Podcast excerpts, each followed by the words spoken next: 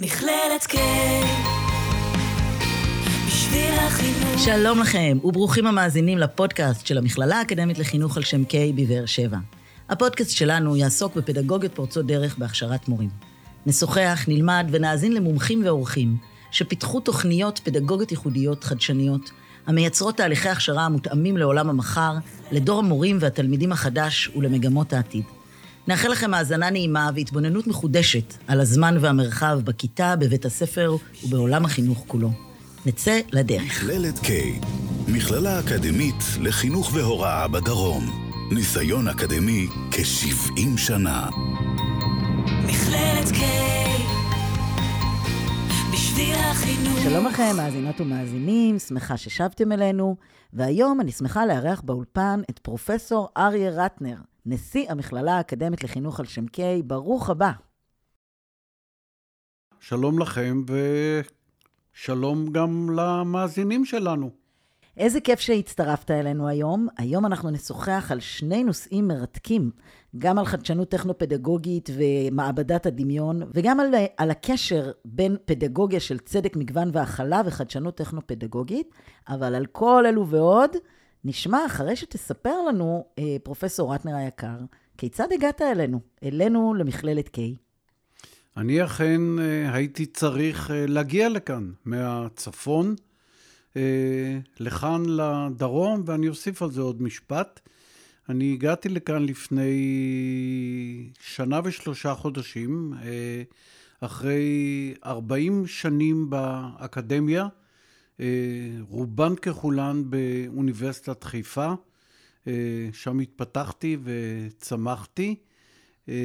עסקתי בהוראה אקדמית ובמחקר, כפי שמצופה מכל חוקר ומרצה לעשות על מנת להתקדם בסולם הדרגות האקדמיות.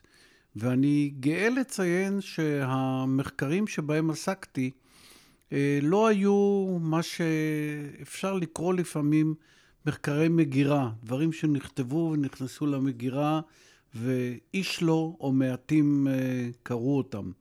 מרבית המחקרים שלי, אולי אפילו כל המחקרים שלי, היו מחקרים בעלי אה, היבטים יישומיים לדברים שקורים, מתרחשים, אפילו גם היום בחברה הישראלית.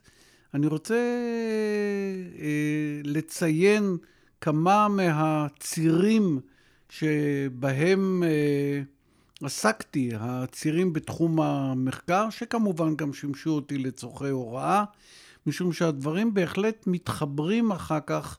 את ציינת שנעסוק ונדבר על פדגוגיה של מגוון צדק והכלה, בעיקר לצדק, ואני ארצה דרך עולם המחקר שלי ודרך מה שעוצב כתפיסת העולם שלי, אני ארצה להתחבר לדברים האלה. אז המחקר שבעצם היה הבסיס לעבודת הדוקטורט שלי, והולך איתי, אני חייב להגיד, עד היום, ואני מאוד מאוד גאה על העיסוק הזה. מחקר שעסק בטעויות שיפוטיות. אבל אולי לפני כן רק מילה. וואו, כי... כמה רלוונטי לחיינו. כמה רלוונטי לחיינו גם היום, ולכן אה, שכחתי רק להוסיף, כאשר אמרתי שאני בא אחרי 40 שנים באקדמיה, לא באתי אה, מתחום החינוך וההוראה, אלא עסקתי בתחומים שקשורים לעולמות הסוציולוגיה, הקרימינולוגיה והמשפט הפלילי. אה, והמחקר שעליו אני רוצה להוסיף כמה משפטים, או המחקר הראשון, הוא אכן מחקר שעוסק בנושא של טעויות אה, שיפוטיות. אני חקרתי בעצם אה, תופעה שגם היום, כמו שציינת, אנחנו עדים לה, כאשר מערכת המשפט במקרים מסוימים, במקום לעשות צדק, עושה עוול לאנשים, ובמקרים אה, מסוימים מכניסה אנשים חפים מפשע לרצות עונשי מאסר ארוכים מאחורי סורג ובריח. אני התמקדתי בעיקר במהם הגורמים והסיבות לכך, איפה מתרחשת הטעות, באיזה שלב של ההליך הפלילי, בין אם זה דברים שקשורים בהודאות שווא, הפעלת לחץ על נחקרים ונאשמים, ובין אם זה דברים שקשורים לתחום מרתק אחר, שגם אותו חקרתי, הנושא של טעויות שמתבצעות על ידי עדי ראייה. עד ראייה שבא ומסתכל על שורה של תמונות או על שורה של אנשים שניצבים למסדר זיהוי, מזהה אדם, אבל הוא כנראה זיהה את האדם הלא נכון, והמערכת הולכת עם הזיהוי הזה, מקבלת ומכניסה בעצם לתוך ההליך את הטעות שהולכת ועולה בסולם הערכאות, ובסופו של דבר לא מקבלת את uh, טענת החף מפשע. אני חף מפשע של הנאשם, ומרשיעה אדם חף מפשע. יכולתי לדבר שעות ארוכות ולא זה המקום, אולי בהזדמנות אפשר להקדיש פודקאסט לנושא הזה. אני כן רוצה לציין שהעיסוק במאות מאות רבות של מקרים שאותם חקרתי לאורך השנים, ומשם בעצם המחקר הזה הלך והתעצב, עיצבה במידה רבה את אה, תפיסת העולם, הן האישית והן האקדמית שלי, משום שראיתי כיצד אנחנו במו ידינו, אנחנו זה החברה ומערכת המשפט, אה, גם אם זה קורה בשיעורים נמוכים יחסית, של אחוז אחד מסך כל המקרים של אנשים שמורשעים בשנה, חצי אחוז, גם רבע אחוז. זה המון המון מקרים של אנשים שעלולים למצוא את עצמם מובלים אל מאחורי סורג ובריח, היות ובעצם מישהו כאן עשה איזושהי טעות, והם חפים מפשע, אבל זה המקרה המפורסם של רומן זדורוב, שכולנו מחכים להכרעה משפטית בקרוב, אולי העוול שנעשה יתוקן, אולי. אז אה, זה מחקר אחד. עסקתי אחר כך לאורך השנים במחקרים על פשיעה בחברה הישראלית. עסקתי במחקר שלצערנו הרב רלוונטי מאוד מאוד גם לסביבה שבה אנחנו נמצאים כאן בדרום ומוקפים בחברה הבדואית, וזה מחקר על אי שוויון בתהליכי קבלת החלטות במערכת המשפט. ניסיון לבחון ולראות האם קיימים הבדלים כאשר שני אנשים, אחד יהודי ואחד ערבי או בדואי, וזה לא משנה כרגע המוצא, עוברים את אותה עבירה בנסיבות דומות, האם הם מקבלים את אותו העונש, האם לשניהם יש את אותו סיכוי להיות מורשע וכיוצא בזה, ולצערנו הרב התשובה הייתה לא. אנחנו גילינו פערים, גילינו מידה לא קטנה של אה, אי שוויון, וגם הדברים האלה הולכים איתי בעצם ומעצבים לאט לאט את תפיסת העולם שלי באשר לעוולות ואי צדק ואי שוויון שאנחנו כחברה, ולא רק אנחנו, חברות מערביות רבות אחרות עושות את זה גם כן. ואסיים אולי במחקר שהולך איתי כבר 22 שנים, מחקר שאין רלוונטי ממנו לימים אלה, שעוסק בנושא של אמון הציבור במערכות החוק והמשפט, המשטרה, בתי המשפט ובית המשפט העליון. אה, אני בניתי מדד שנקרא מדד שלטון החוק, שאכן עוקב שנה אחר שנה אחר רמת האמון, שלצערנו הרב נמצאת בירידה ובשחיקה, כמו שאנחנו יודעים ממה שמתרחש סביבנו ב, אה, בימים האלה, הן לגבי המשטרה והן לגבי בתי המשפט. אה, אלה הדברים שבהם עסקתי, פרויקטים מרתקים, ואני גאה בהם. אה, בהחלט, בהחלט נשמע מרתק. אני אה, רוצה לשאול אותך, האם אתה מוצא קשר אה, בין אה, מדד החוסר אמון לבין מערכת החינוך? האם, האם המדד הזה ניתן לומר גם כלפי מערכת החינוך, או שאתה מרגיש שמול מערכת החינוך יש אמון שהוא הולך וגדל? אז יש לכך, דפנה, תשובה אמפירית, משום שבכנס הגדול האחרון שהתקיים כאן בקמפוס המכללה, כנס שדרות, אנחנו הצגנו, אני הצגתי בעצם, לפני שרת החינוך, את uh, מדד שביעות הרצון של הורים לילדים בבתי ספר uh, ממערכת החינוך. ואני חייב להגיד שלי באופן אישי כחוקר וכמי שעוסק בדברים הללו לאורך השנים, הייתה הפתעה, uh, וזה ראינו שרמת שביעות הרצון הייתה יחסית, הייתה אה, גבוהה וסבירה. היא לא הייתה בשמיים, היא לא הייתה בקצה העליון של המדד, אבל כאשר ראינו שעל דברים מסוימים קיימת רמת שביעות רצון, יחס אה, מורים אל התלמידים ואל ההורים, סביבת בית הספר, עד כמה הילד אכן מקבל ערכים ודברים נוספים בבית הספר, כאשר ראינו שבשיעורים שבין 50 ל-70 אחוז מההורים אכן הביעו רמת הסכמה שכן, זה קורה, אני חושב שזה בהחלט היה ציון טוב וטוב מאוד למערכת החינוך. יש מקום לשיפור. אה, נפלא, לפחות אנחנו רואים ש... לפחות במערכת שלנו המצב קצת יותר טוב אה, ממערכת המשפט. אכן כן.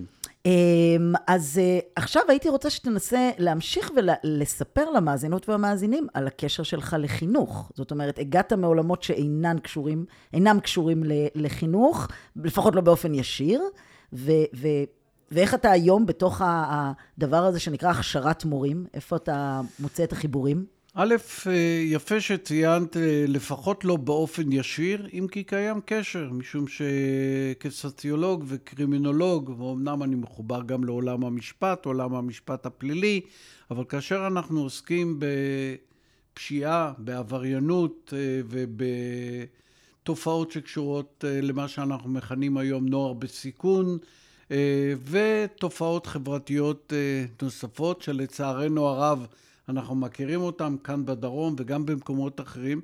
אה, הדברים מתחילים או מהבית או ממערכת החינוך, אם אנחנו מדברים על שיעורי נשירה גבוהים בקרב, בעיקר בקרב אוכלוסיות מסוימות, אה, ואם אנחנו מדברים על משפחות שלא מסוגלות להעניק לילדים שלהם חינוך והשכלה ברמה נאותה, הרי שהדברים האלה נגמרים אחר כך באמת במעגלי הפשיעה והעבריינות. וזה האספקט הצר של הקשר שאני רואה אותו. אה, אבל כן, הגעתי לכאן ומצאתי את עצמי בתוך עולם שונה ואחר לגמרי, מערכת שעוסקת בהכשרת מורים, עוסקת בפדגוגיות אה, שונות, ובעצם מכשירה את הדור הבא של ה... של המורים במדינת ישראל, אלה שיהיו המורים, המורות והמחנכים. אה, צללתי מהר מאוד לתוך העולם הזה, הכרתי את כל המושגים, ולפני מספר ימים, כאשר הופעתי בפני אחת מהוועדות אה, של המל"ג, ות"ת, משרד החינוך, הכל ביחד, אה, פתחתי במספר דברים, ומי שהעירה לי, ציינה, אתה נשמע כמו מישהו שנמצא מאז ומעולם במכללת K. אמרתי, תודה רבה. זה אכן מעיד שנכנסתי וצללתי עמוק לתוך הדברים הללו. הידד, אז עכשיו בוא תספר לנו רגע, אה, ככה התחלת והזכרת כבר את הכנס המאוד מאוד מעניין שהיה פה בחודש נובמבר, אה, שקשור לחברה ולחינוך. אז בוא ניכנס רגע יותר לעומק. בוא תנסה להסביר לנו את התפיסה שלך לגבי פדגוגיה של צדק, מגוון והכלה, וכיצד ניתן לרתום גם את ההיבטים הטכנולוגיים עבור ההיבט הזה.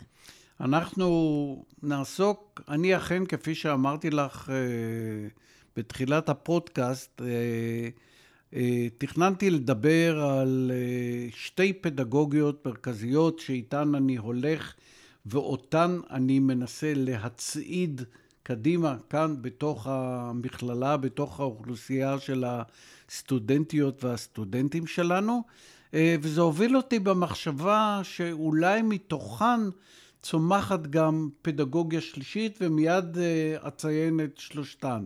אז אחת, ואנחנו נדבר עליה מיד, פדגוגיה של מגוון צדק והכלה, והפדגוגיה השנייה של חדשנות טכנולוגית בעולם ההוראה, ושני הדברים האלה חיברו אותי לדבר שאנחנו, המכללה, נטועה עמוק עמוק בתוכו, ואני חושב שבהחלט אפשר לכנות זאת גם כן פדגוגיה, אני קורא לזה פדגוגיה של רב תרבותיות.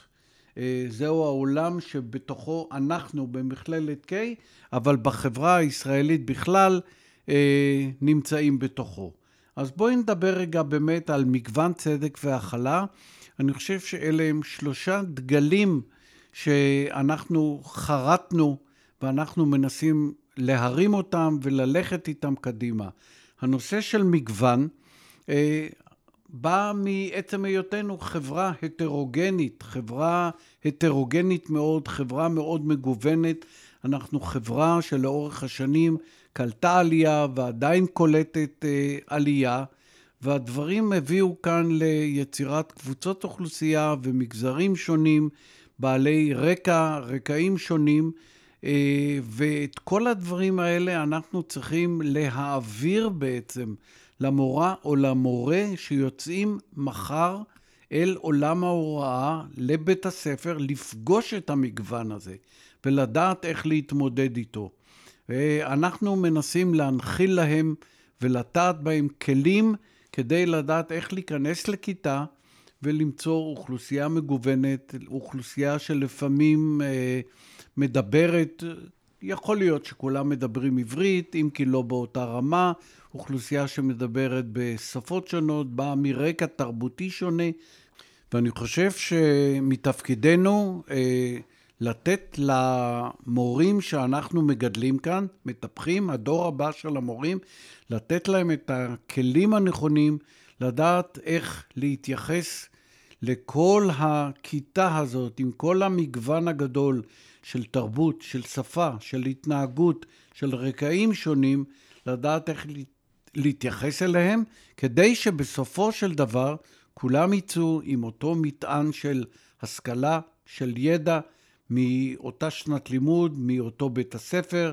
וימצאו את דרכם הלאה בחברה הישראלית. זאת משימה לא פשוטה. אה, אני לא בטוח שאנחנו כחברה יודעים בדיוק ועושים את הדברים הנכונים כדי להתייחס, וכאן זה מתייחס אולי כבר, רמזתי מקודם שאני אגע גם בנושא של הרב-תרבותיות, שאנחנו עושים את הדברים הנכונים כדי להתייחס בצורה נכונה, אה, בצורה הולמת, לכל המגוון החברתי, תרבותי, סוציו-אקונומי שאנחנו פוגשים, בין אם זה בכיתה או בין אם זה מחוצה לה. אני רוצה לציין כאן דוגמה שלא רבים מכירים אותה או לא רבים מודעים אליה. אה, ישנה מדינה, אה, אנחנו לא כל כך קרובים אליה ולא בטוח שנכון להשוות את עצמנו אליה, וזאת קנדה, שהיא מדינת הגירה מובהקת.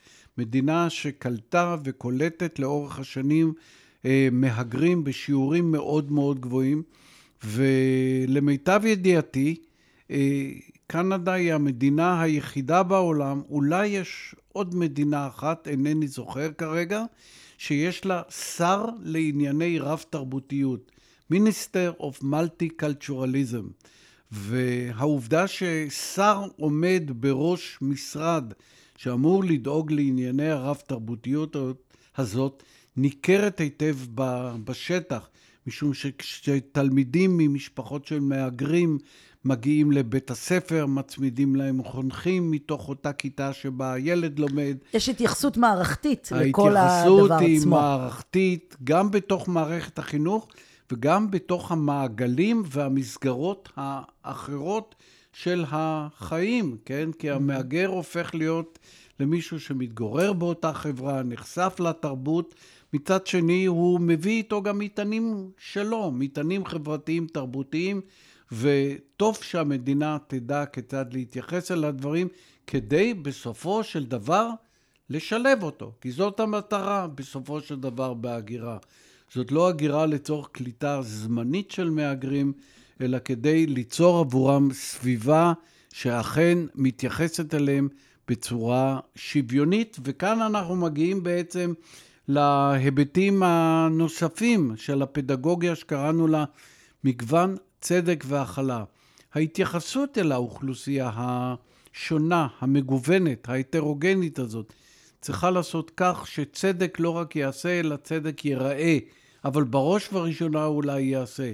כי כאשר אנחנו נמצאים בסביבה שבה יש אנשים, וכאן אני מדבר כסוציולוג, כאשר אנחנו נמצאים בסביבה שבה יש אה, אנשים בעלי רקע שונה משלנו, בעלי מראה שונה משלנו, בעלי צבע עור ותווי פנים שונים משלנו, אנחנו פועלים הרבה פעמים לפי סטריאוטיפים ועל פי עמדות קדומות, אה, עיסוק שלם שבא מתוך הפסיכולוגיה החברתית שעוסקת בזה, מדוע וכיצד אנחנו מתייחסים לשונה, לאחר מאיתנו, ובדיוק כמו שכאשר דיברתי על מגוון, מורה לא יכול להתייחס בצורה שונה, באופן שונה אל תלמידים, גם אם הם באים מרקע שונה, גם אם המראה שלהם שונה, ואנחנו כאן במכללה חייבים אכן לוודא שהסטודנטים שלנו יצאו מצוידים בכלים נקיים מכל אותם סטריאוטיפים ועמדות קדומות, כאשר הם נכנסים לכיתה ופוגשים ואמורים להתייחס בצורה צודקת לחלוטין, במאת האחוזים, ללא צל צילה של אפליה, לכל התלמידים שנמצאים אצלם בכיתה, בשכבה וכן הלאה וכן הלאה. וזה מוביל אותנו בעצם לאלמנט השלישי בתוך הפדגוגיה הזאת, וזוהי ההכלה, שבעצם מסכמת כבר את מה שאנחנו אמרנו. אנחנו כחברה, אנחנו כמורים בבית ספר חייבים לדעת להכיל את כולם. גם אנחנו כאן במכללה, מכללה שהיא מאוד מגוונת בהרכב התרבותי, הלאומי, יהודים, בדואים, אה, אתיופים וכן הלאה וכן הלאה. אה, אנחנו צריכים לדעת להכיל את כולם, להכיל את כולם בצורה שווה, ואני חושב שזוהי פדגוגיה מאוד חשובה. אלה הם שלושה דגלים שאני חושב שצריכים ללוות אותנו לאורך כל הפעילות החינוכית שלנו, ובכך אנחנו נכשיר את הדור הבא של המורות והמורים לדעת לקחת איתם את הדברים הללו ולהכניס אותם לתוך הכיתה וחצר בית הספר שבה הם יהיו כאשר הם יצאו לעולם ההוראה. אתה יודע, פרופסור רטנר, ציינת בהחלט אה, בצורה מאוד בהירה את המאפיינים של כל הכיתות בישראל. אה, כשאני מלמדת על אה, קורס בהוראה בכיתה הטרוגנית, אז אני אומרת באמת שזה מאפיין של כל הכיתות בישראל. לא משנה אם זה כיתה בהרצליה או בטבריה, תמיד יש הטרוגניות ברמות המוטיבציה, במגוון האינטליגנציות, וכמובן כל מה שהזכרת, רקעים וכדומה. אבל יש עוד מאפיין אחד לתלמידים. ומאפיין נוסף של התלמידים זה שהם פשוט דור האלפא ודור ה-Z. אה, החיבור שלהם לעולם הטכנולוגי הוא מאוד מאוד בולט, הם מה שנקרא נולדו עם המסך ביד, אה, מגיל מאוד מאוד צעיר, הם יודעים להפעיל אה, את הדיגיטל. ואולי אתגר נוסף שאנחנו נדרשים אליו כמכללה להכשרת מורים, זה לצייד את המורים שלנו בהחלט בתפיסת עולם ליברלית ומכילה, כמו שהצעת מקודם, אבל גם כלים נוספים בתחום הטכנולוגיה. אז כיצד אנחנו מתייחסים לזה?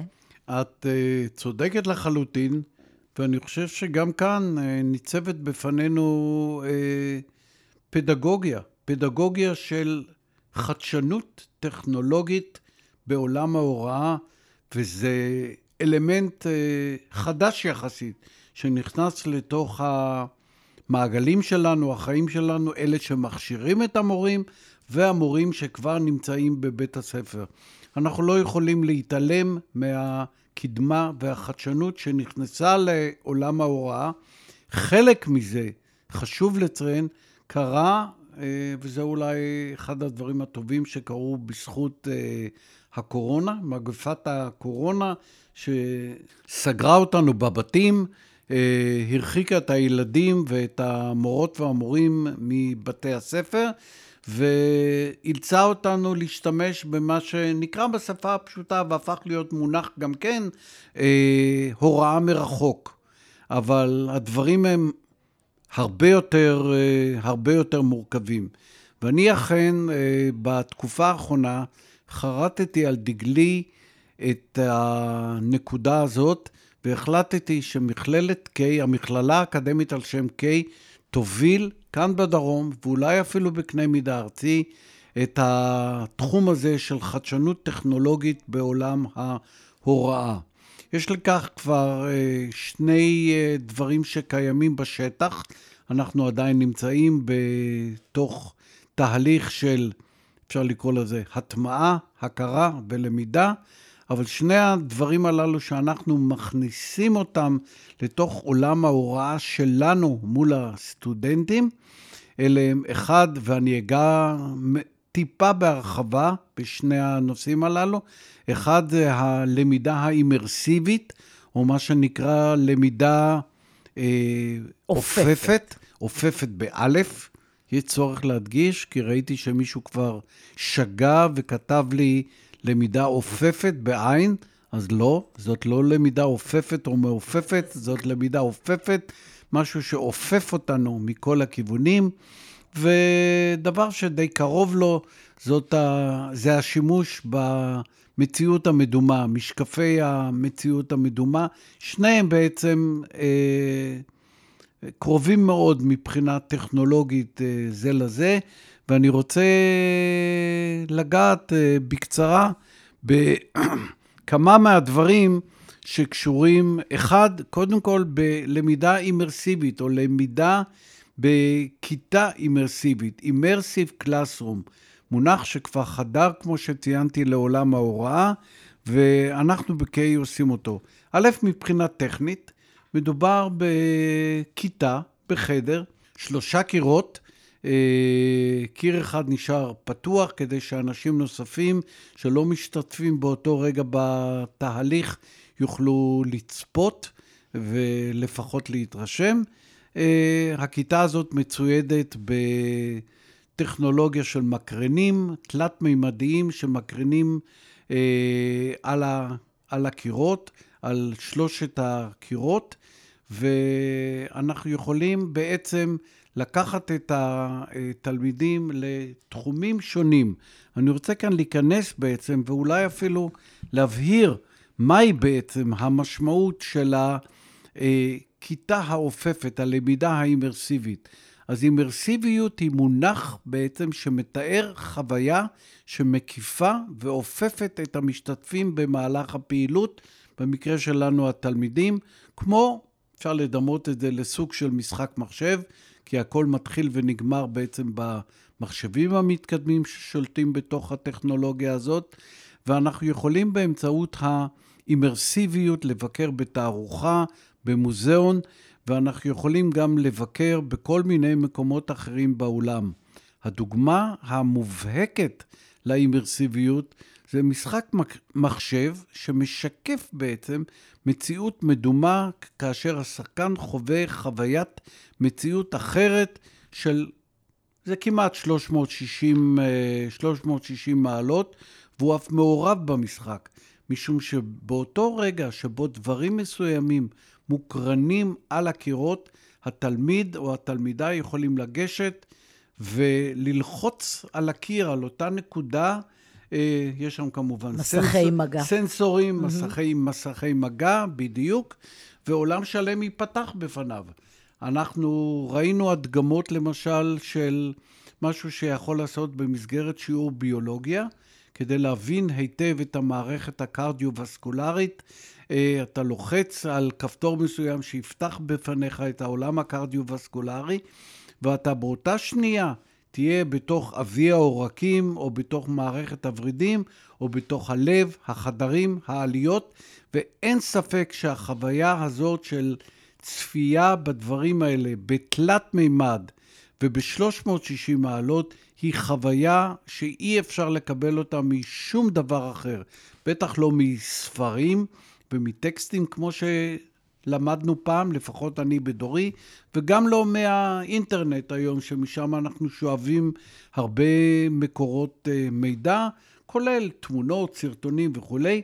הלמידה האימרסיבית עולה על כל הטכנולוגיות האלה ומכניסה את התלמיד או את מי שמשתמש במערכת באותו רגע, מכניסה אותו עמוק עמוק לתוך העולם הזה ויכולה לתת לו חוויות שונות. התלמיד יכול גם להגיב.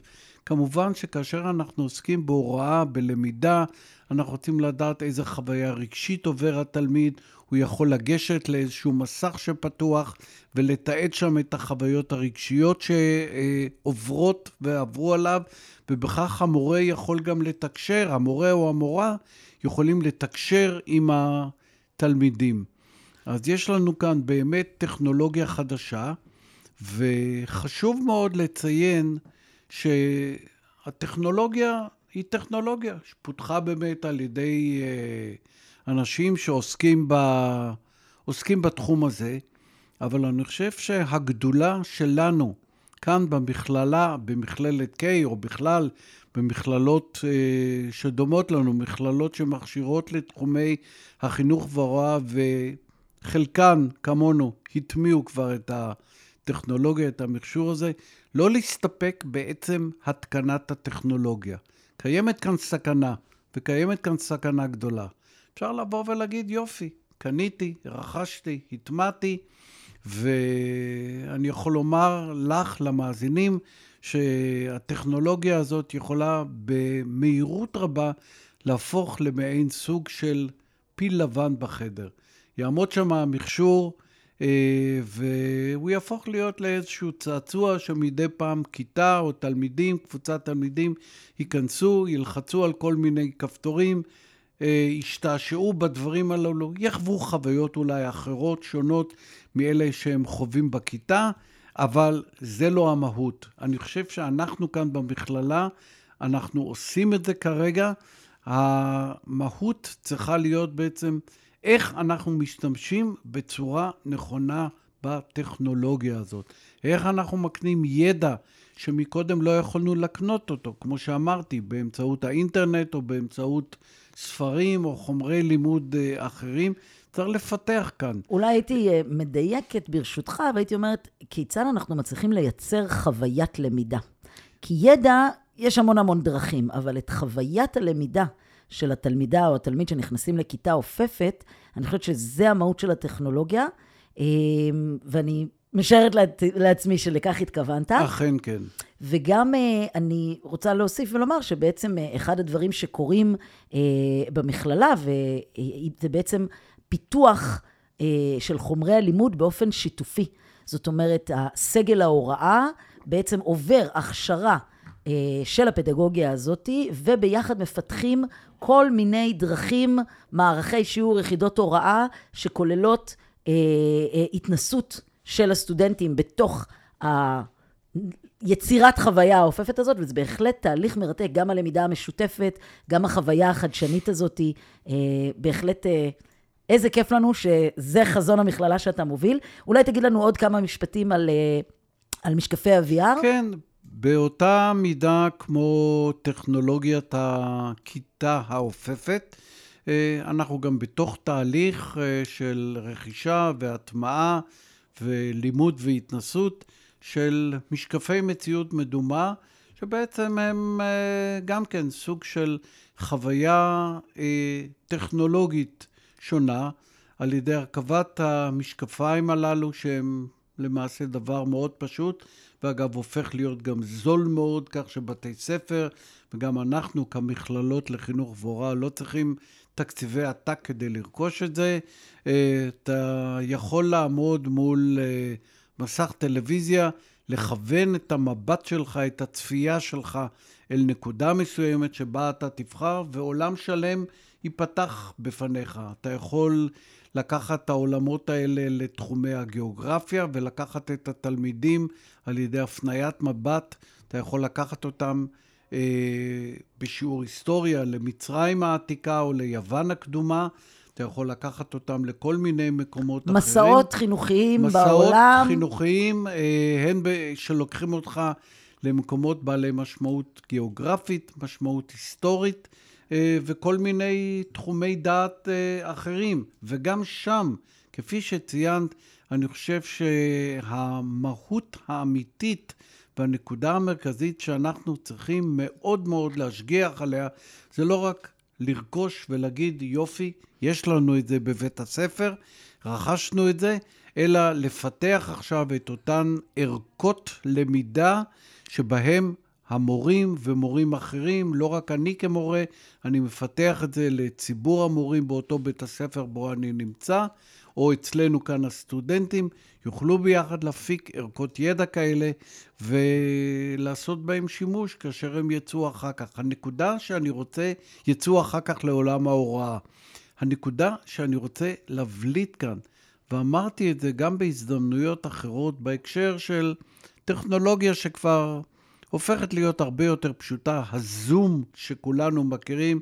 הנקודה היא כאן לא רק לדעת ללחוץ על הכפתור ולהפעיל את המערכת, הנקודה היא לעשות שימוש חכם ומושכל בטכנולוגיות האלה, כדי שבאמת התלמידים יוכלו להפיק מהם ערך מוסף בתחומי דעת, בתחומי ידע אה, שונים.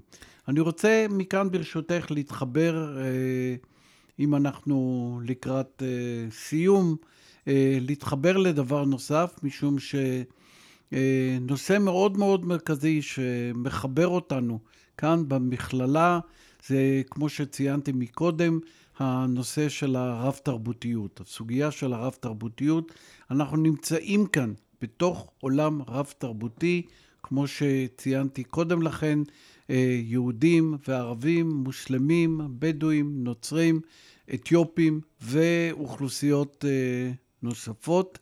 אה, ואנחנו אכן צריכים לדעת להכיל את כולם ולהתייחס לכולם בצורה שווה. כולם בני חברה אחת. ולצורך כך, כאיזשהו צעד מאוד מאוד קטן, עשיתי את הדבר הבא. אני אספר למאזינים שחלק מעיסוקי הפנאי שלי קשורים לעולם המוזיקה. אני שר, שרתי במקהלה עד שהגעתי לכאן. אה, אין לי היום פשוט את הפנאי והמקהלה נמצאת בצפון, ואני מנגן על אה, פסנתר. ובאחד המעגלים החברתיים של וואטסאפ, כאשר שמעו על כך שנבחרתי להיות נשיא, מישהו כתב, יופי, עכשיו יהיה לנו גם נשיא מוזיקלי. ואז שאלתי את עצמי, רגע, רגע, לאיפה אני לוקח את הדבר הזה שנקרא נשיא מוזיקלי?